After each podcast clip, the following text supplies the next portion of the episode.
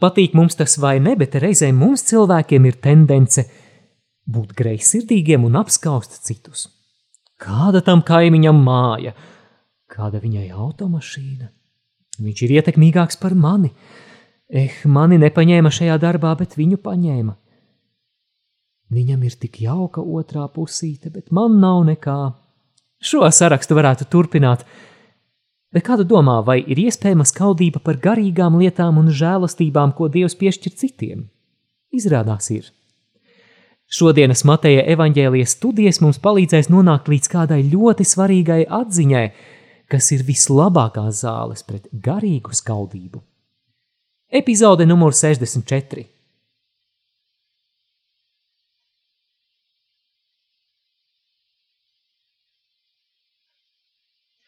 Dieva tēva un dēla un svētā gara vārdā Āmen. Esi sveicināta Marija, žēlastības pilnā, kungs ir ar tevi. Tu esi sveitīta starp sievietēm, un sveitīts ir tavas miesas auglis Jēzus. Svētā Marija, Dieva māte, lūdz par mums grēciniekiem tagad un mūsu nāves stundā Āmen. Svētais Matei lūdz par mums, Dieva tēva un dēla un svētā gara vārdā Āmen. Dargo radio Marija Latvijas klausītāji! Mēs turpinām studēt Mateja evaņģēliju un šoreiz iesākam jaunu nodaļu. Atver Mateja evaņģēlija 20. nodaļu un šodien mēs lasīsim no 1. līdz 19. pantam.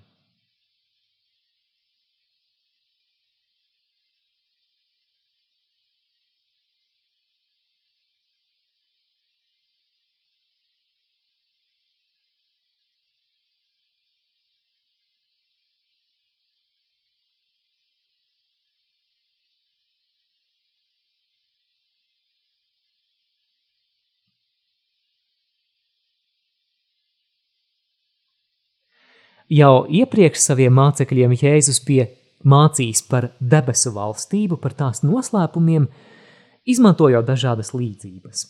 Atcerēsimies, ka debesu valstību Jēzus salīdzināja ar sinepju sēkliņu, salīdzināja ar raugu, ar pērli, ar sējēju, kurš iziet sēt un tā tālāk un tā tālāk. Šodien Mateja evaņģēlija 20. nodaļā mēs lasīsim vēl kādu līdzību par debesu valstību – un mēģināsim arī tad eh, saprast, kādu debesu valstības noslēpumu tieši šī līdzība atklāja. Lasām pirmo un otro pantu.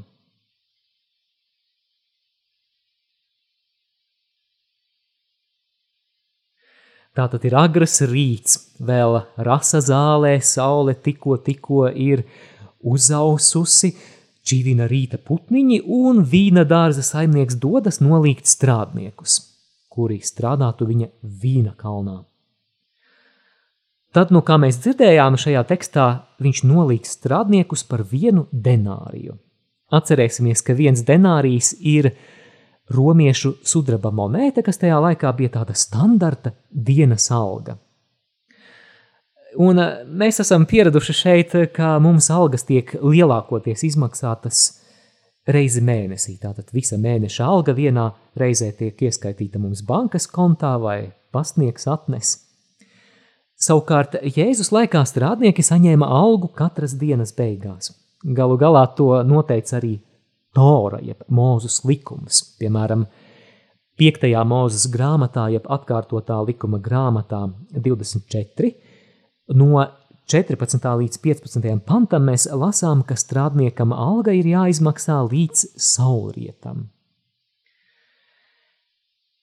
Tagad lasīsim tālāk, sākot ar trešo pantu, un Jēzus turpinās šo līdzību, un mēs uzzināsim, ka vīna dārza saimnieks vēlāk papildina darba roku skaitu, aicinot arī citus strādniekus pievienoties. Tātad trešais un ceturtais pants.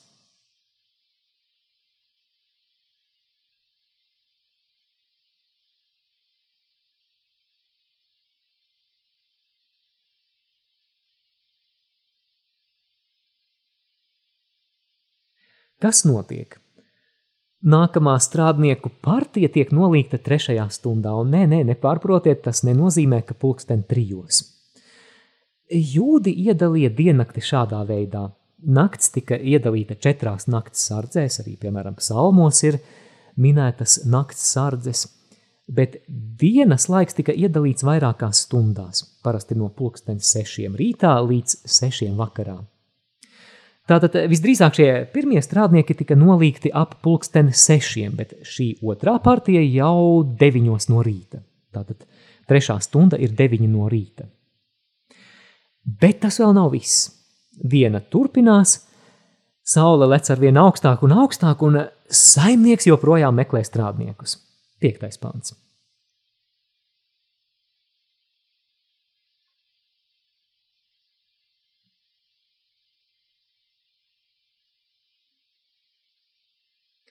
Jā, arī sastajā stundā, tas ir pusdienlaikā, viņš savērvē nākamo partiju. Un arī devītajā stundā, tas ir pulksten trijos. Turpinām lasīt.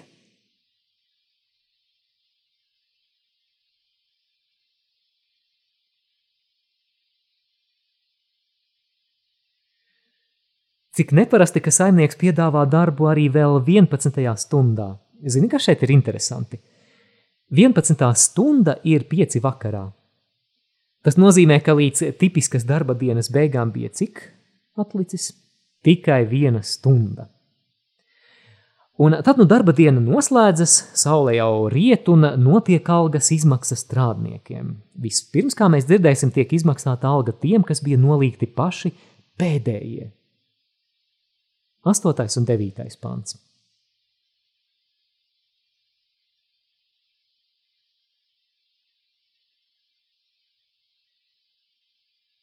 Nu, ļoti interesanta situācija.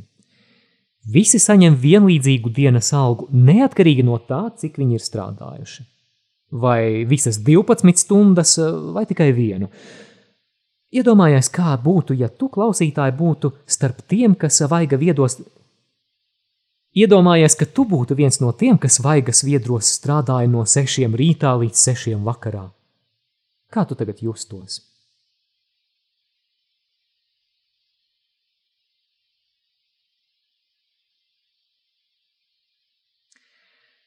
Pirmie strādnieki ir sašutuši. Pēc viņu loģikas, ja jau pēdējie saņēma vienu denāriju, vai tad viņiem kā pirmajiem nepienāktos 12 denāriji? Nu, vai vismaz nebūtu godīgāk, ja pirmie, kā runāts, saņemtu pa denārijam, bet pēdējie tad vismaz 12 daļu denārija? Lūk, saimnieka atbilde.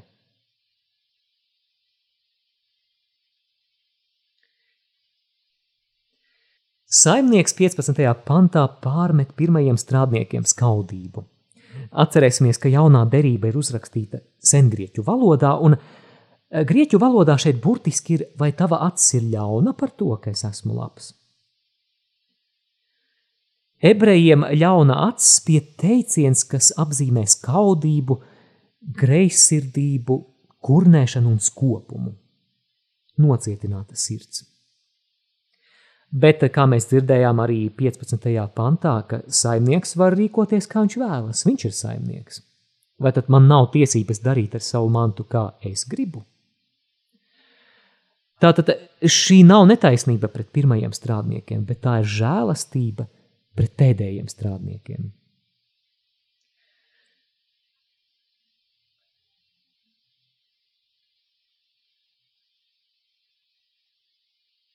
Kāds tad ir šīs līdzības vēstījums? Kā šo līdzību skaidrot? Pamatā ir divi iespējamie skaidrojumi, un katram no tiem ir labs pamats. Tie neizslēdz viens otru, bet eh, drīzāk papildina cits citu. Tad eh, sākam ar pirmo.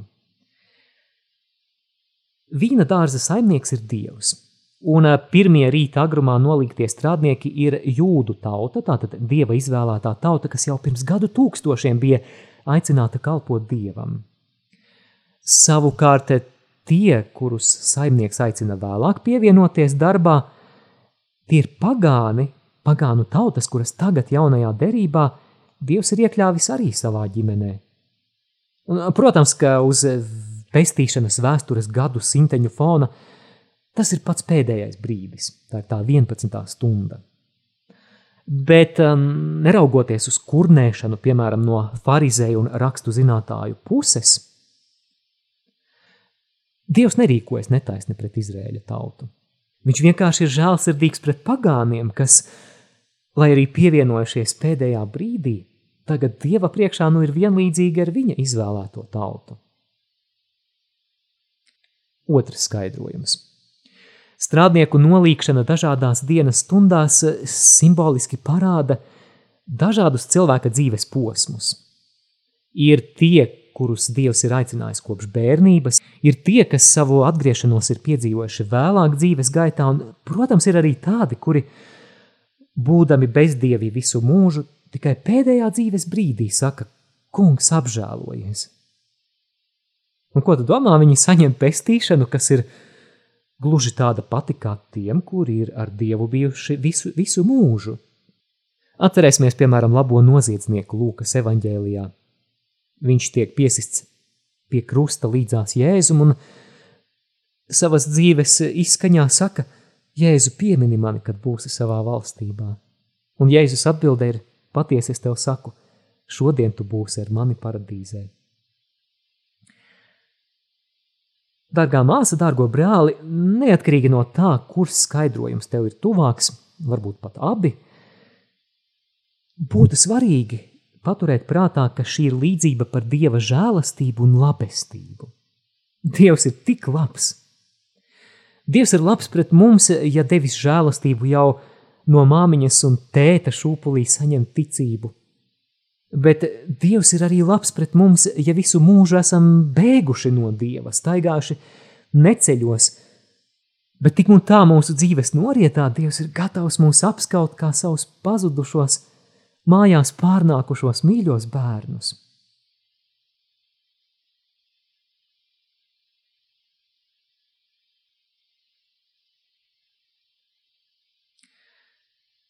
Kā šis vārds attiecas uz mūsu dzīvi?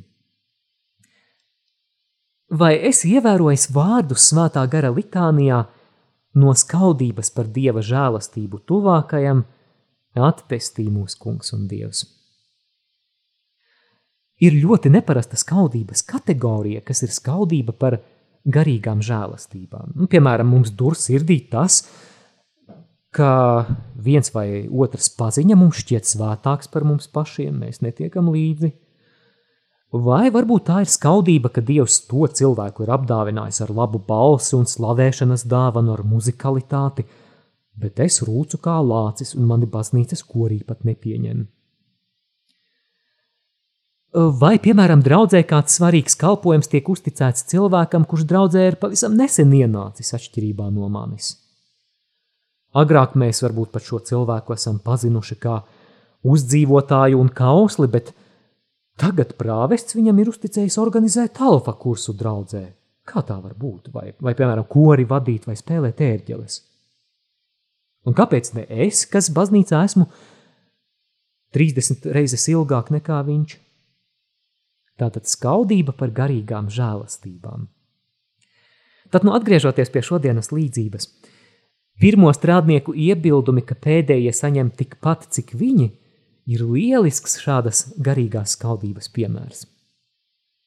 Bet, klausītāji, vai tu zini, kur ir šīs skaudības saknes?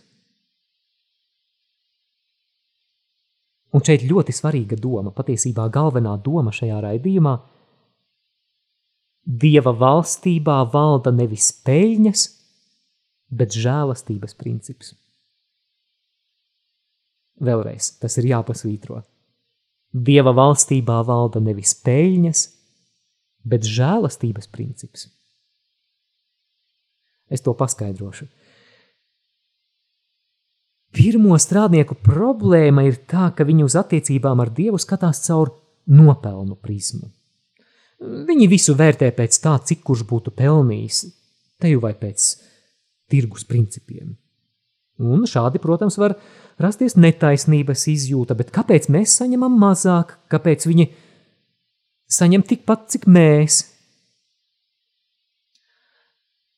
Esmu ievērojis, ka reizēm kristiešu mentalitātē, vismaz Latvijā, diemžēl, diemžēl valda šis nopelnu princips – pārprastā veidā.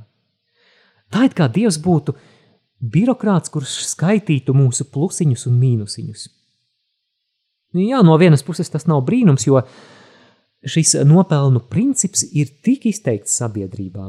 Piemēram, paaugstinājums samatā ir jānopelna, alga ir jānopelna, citu cilvēku uzticība ir jānopelna, atzinība ir jānopelna, tik daudz, kas ir jānopelna. Un tad nu šis nopelnīšanas princips dziļi kā nezāle ir bijis iesakņojies ticīgo vidū šeit Latvijā līdz pat tam, un es ceru, ka šajā brīdī arī kāds priesteris vai bīskaps varbūt šo dzird, es vēlos norādīt uz to, ka pat eh, šī nopelnīšanas mentalitāte pestīšanas kontekstā pat atspoguļojas mums mises liturģisko tekstu tulkojumā. Jo e, vietām nu, tur vārdi nopelnīt mūžīgo dzīvi ir e, lietots kā patiesībā neprecīzs tulkojums. Un, piemēram, ūdens svētīšanas rits pirms apslacīšanas svētdienas misē. Tur ir vārdi. Mēs tevi lūdzam, svētī šo ūdeni mūsu garīgajam stiprinājumam, atjauno mūs, mūsos savu žēlastību un pasargā no ļaunā mūsu dvēseli un miesu – lai mēs varētu ar tīrām sirdīm nākt pie tevis un uzmanību un nopelnīt mūžīgo dzīvi tavā valstībā. Šeit ir vārdiņš nopelnīt, un es atceros, es jau sen šim tekstam biju pievērsis uzmanību un domāju, paga, paga, nevar būt, jo taču baznīca nemāca, ka mūžīgo dzīvi var nopelnīt. Tieši pretēji baznīca māca, ka nevar nopelnīt mūžīgo dzīvi. Lai jūs nepadomātu, ka šī ir kāda mana ideja, uh, Es vēlos citēt eh, Katoliskās baznīcas katehismu. 1996. paragrāfs. Mūsu attaisnošana nāk no Dieva žēlastības. Žēlastība ir labvēlība, nepelnīta palīdzība, kuru Dievs mums dod, lai mēs spētu atbildēt uz viņa aicinājumu kļūt par Dieva bērniem. Vai, piemēram, 1998. paragrāfs. Šis aicinājums uz mūžīgo dzīvi ir pārdabisks. Tas pilnībā atkarīgs no nepelnītas dieva iniciatīvas, jo vienīgi viņš var pats sevi atklāt un dāvāt. Tas pārsniedz gan cilvēka, gan arī jebkuras dzīvās radības saprāta un gribas spējas. Kristus žēlastība ir nepelnīta velte, ar kuru Dievs mums dāvā savu dzīvību. Jā, lūk, baznīca māca, ka nevar nopelnīt mūžīgo dzīvību, ka tā ir Dieva dāvana. Un tad nu, es domāju, vai gadījumā tur nav neprecīzs tulkojums, un reiz es salīdzināju ar eh, šīs lūkšanas teksta tulkojumu citās valodās. Un, piemēram, salīdzinot poļu un angļu valodu, tad tur ir teikts nevis nopelnīt mūžīgo dzīvību, bet saņemt mūžīgo dzīvību. Kā tev šķiet, vai ir atšķirība starp nopelnīšanu un saņemšanu? Jā, Dievs darbojas pavisam citā atskaites sistēmā. Dieva valstībā valda žēlastība, un šī žēlastība ir nepelnīta labvēlība, tā ir dāvana par brīvu. Jā, draugs, ticība tavā dzīvē ir dāvana. Tavas dvēseles pestīšana ir dāvana. Tas nav tavs, tas nav mans, bet tas ir Jēzus Kristus krusta nāves nopelns. Un viņš to dāvā par brīvu. Vienīgais, kas no mums tiek prasīts, šo dāvanu saņemt, būt atvērtam, atsaukties. Jā, mēs katoļu teoloģijā runājam par nopelniem, bet ne mūsu pestīšanā. Te man nav laika raidījumā iedziļināties atšķirībā, bet es uzsvēršu, ka mūsu dvēseles pestīšana nav mūsu sasniegums. Un redziet, ja mēs runājam par šo garīgo skaudību vai skaudību par dieva žēlastību tuvākajam, es esmu pārliecināts, ka jo vairāk mēs esam saņēmuši savā sirdī šo patiesību, ka dieva valstībā valda nevis nopelnu, bet žēlastības princips. Jo brīvāki mēs kļūstam no garīgās skaudības. Jo mēs saprotam, ka ne mēs kaut ko esam nopelnījuši, nekāds cits ir nopelnījis, ka viss ir Dieva dāvana. Un jo vairāk mēs esam pieņēmuši šo atziņu savā sirdī, jo, jo mēs ar žēlsirdīgākām acīm spējam skatīties uz, ikvie, uz, uz ikvienu cilvēku, kaut vai viņš būtu pilnīgs alkoholiķis vai bombzis un tā tālāk. Tādēļ, ka arī Dievs uz cilvēku skatās caur žēlsirdības prizmu. Tad nu, mēs varam lūgties ar šiem svētā gara litānijas vārdiem – Kungs no skaudības par Dieva žēlastību tuvākajam atpestī mūs.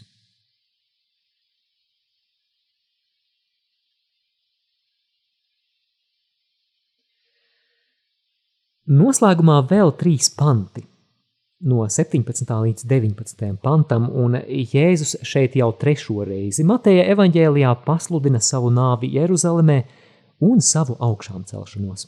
Lasām tālāk.